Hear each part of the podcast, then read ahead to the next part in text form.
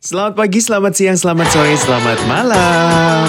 Gua Wilson Purba. Gua Muhammad Gibran Gua Bram Herlambang Balik lagi di Jurnopods, cerita jurnalis di di podcast. Wah akhirnya nih ya kita bikin episode baru lagi Tapi by the way kira-kira kita bahas apa nih ya? Eh gimana kalau kita bahas soal sosial media? Kan sekarang tuh sosmed kayak nggak mungkin lepas dari hidup lo masing-masing, hidup gue, hidup teman-teman dan hidup banyak orang gitu kan. Bahkan kadang tuh sosmed lebih cepet nih dari media konvensional atau cepetan IG story jurnalis ya daripada bikin naskah. kayak gue dong. Iya iya ya, bener bener bener Karena sering banget walaupun kita lagi di rumah nih Tapi bisa mantau eh, kejadian-kejadian yang lagi di luar Misalkan berita terkini lewat updateannya teman-teman nih di lapangan Tapi updateannya bukan di TV ya Kalau gue ngeliatnya di IG story sih Ya emang sih biasanya para jurnalis itu kadang agak lupa buat naskah. Padahal naskahnya itu udah ditunggu kantor.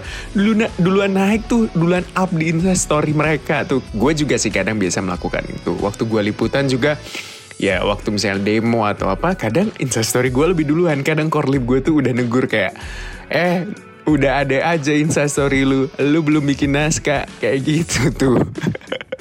Kalau gue seneng banget sih adanya sosmed ini karena ya itu kadang kan infonya kita nggak cuma dari lapangan kan, tapi juga dari masyarakat. Nah, kadang masyarakat tuh suka ngupload-ngupload video ataupun info-info di media sosial yang itu kita bisa jadikan eh, dasar bahan berita. Kita bisa konfirmasi lagi ke pihak yang berkaitan gitulah.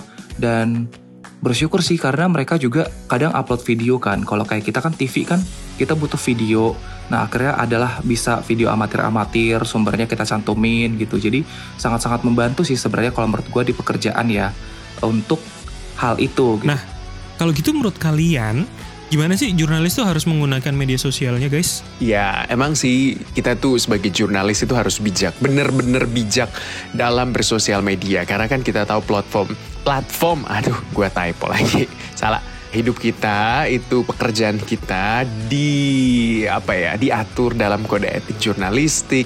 Terus apalagi kita yang kerja di TV kan ada pedoman perilaku penyiaran dan sistem program siaran. Jadi kita tuh harus benar-benar menggunakan media sosial uh, bijak banget gitu. Karena kita tahu tuh di apa ya di jidat kita itu walaupun secara nggak langsung ada tapi tuh semuanya ada tertulis tuh media kita masing-masing. Nah jadi kalau kita membuat sebuah pernyataan atau opini bisa saja disangkut pautkan sama uh, profesi kita sebagai jurnalis atau mungkin kantor kita tempat kita bernaung. Makanya menggunakan sosial media itu as a jurnalis harus benar-benar bijak.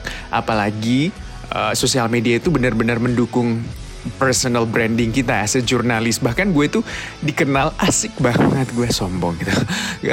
Gue itu dikenal ya sebagai jurnalis gitu kan ketimbang sebagai rakyat jelata padahal gue rakyat jelata ya kayak gitu tuh Kalau gue nggak mempermasalahkan sih soal jurnalis pakai medsos, sering instastory atau sering-sering update di feed gitu.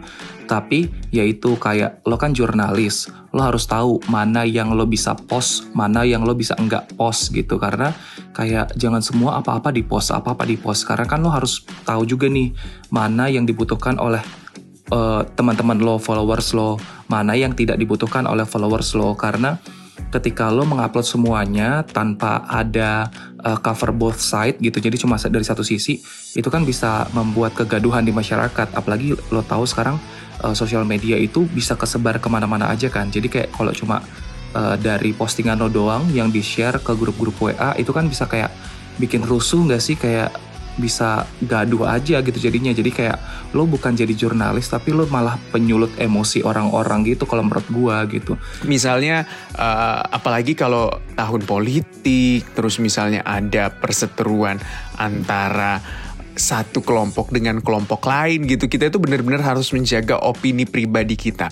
Gue ingat banget dulu di tahun politik di pilkada kah atau di pemilu gitu eh, waktu di kantor lama gue tuh sama bilang lu boleh punya pilihan politik lu boleh punya eh, apa namanya ya patron politik tapi enggak untuk lu perlihatkan kepada halayak ataupun publik. Karena itu benar-benar bisa mengganggu dan juga bisa dipertanya memper orang-orang tuh bisa mempertanyakan kredibilitas kita sebagai jurnalis. Makanya kalau kita punya opini pribadi ada baiknya dipikir-pikir ulang gitu kalau mau di up atau dinaikin di sosial media.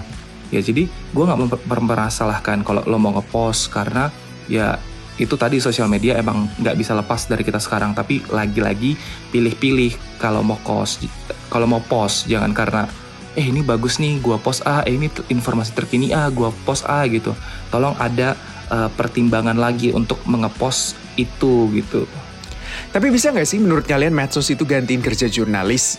medsos gantiin jurnalis menurut gua enggak sih karena ya itu kan kayak kalau lo jurnalis lo banyak layernya baik itu cetak online eh, TV radio gitu. Ketika lo bikin berita kan ada yang namanya newsroom untuk memverifikasi untuk bikin angle berita untuk menggabungkan eh, dua narasumber atau tiga narasumber atau pokoknya narasumber yang ahli gitu. Jadi kayak ada filternya. Sementara kan kalau medsos kan kayak nggak ada filternya yang ngefilter ya orang yang nerimanya gitu jadi iya kan dong, even sekarang kita banyak pakai materi viral nih, misalkan soal kebakaran atau bencana alam atau kejadian lain yang direkam sama warga, tapi kan kita juga harus konfirmasi ya ke masyarakat atau pihak-pihak terkait nih supaya informasi tadi tetap ada value beritanya yang masih bisa disajikan. Sepakat sih, mungkin lihat duluan di medsos, tapi kan mereka uh, cari tahu bener apa enggak kan. Bakal lihat di media mainstream, apalagi biasanya breaking news itu kan panjang. Iya iya iya, gue sih gue sih sepakat banget ya. Yang penting berita itu ada value-nya, ada konfirmasinya supaya jelas dan nggak nanti jadinya berita bohong atau hoax. Padahal kan seharusnya itu harus kita bandingin lagi kayak ini bener nggak ya gitu. Tapi banyak masyarakat yang kayak terima-terima aja, langsung forward langsung forward aja. Terus kalau misalnya kayak kita suruh untuk konfirmasi lagi, terus mereka alasannya cuma bilang kayak, iya gua kan cuma forward doang gitu. Padahal itu juga seharusnya nggak bisa. Kayak ya susah sih kalau misalnya eh, medsos gantiin eh, sosial media gantiin media ya gantiin kerja jurnalis. Kecuali mungkin ya kalau lo medsos yang terafiliasi dengan eh, eh, eh, instansi atau lembaga jurnalis ya gitu. Itu mungkin ya itu lain cerita kalau itu sih kalau menurut gua. Gue selalu bilang bahwa as a- ada sosial media, tapi orang-orang itu tetap melakukan verifikasi informasinya tetap di media mainstream. ya kita diuntungkan sih ya sama perkembangan teknologi. Karena kan kayak sekarang kalau liputan tuh eh, bisa pakai kamera handphone terus bikin via WhatsApp. Jadi kayak ngeditnya tuh nggak butuh waktu lama untuk bisa segera on air kan. Apalagi kalau kayak tadi kata Gibran breaking breaking gitu. Jadi kayak lebih cepat sih.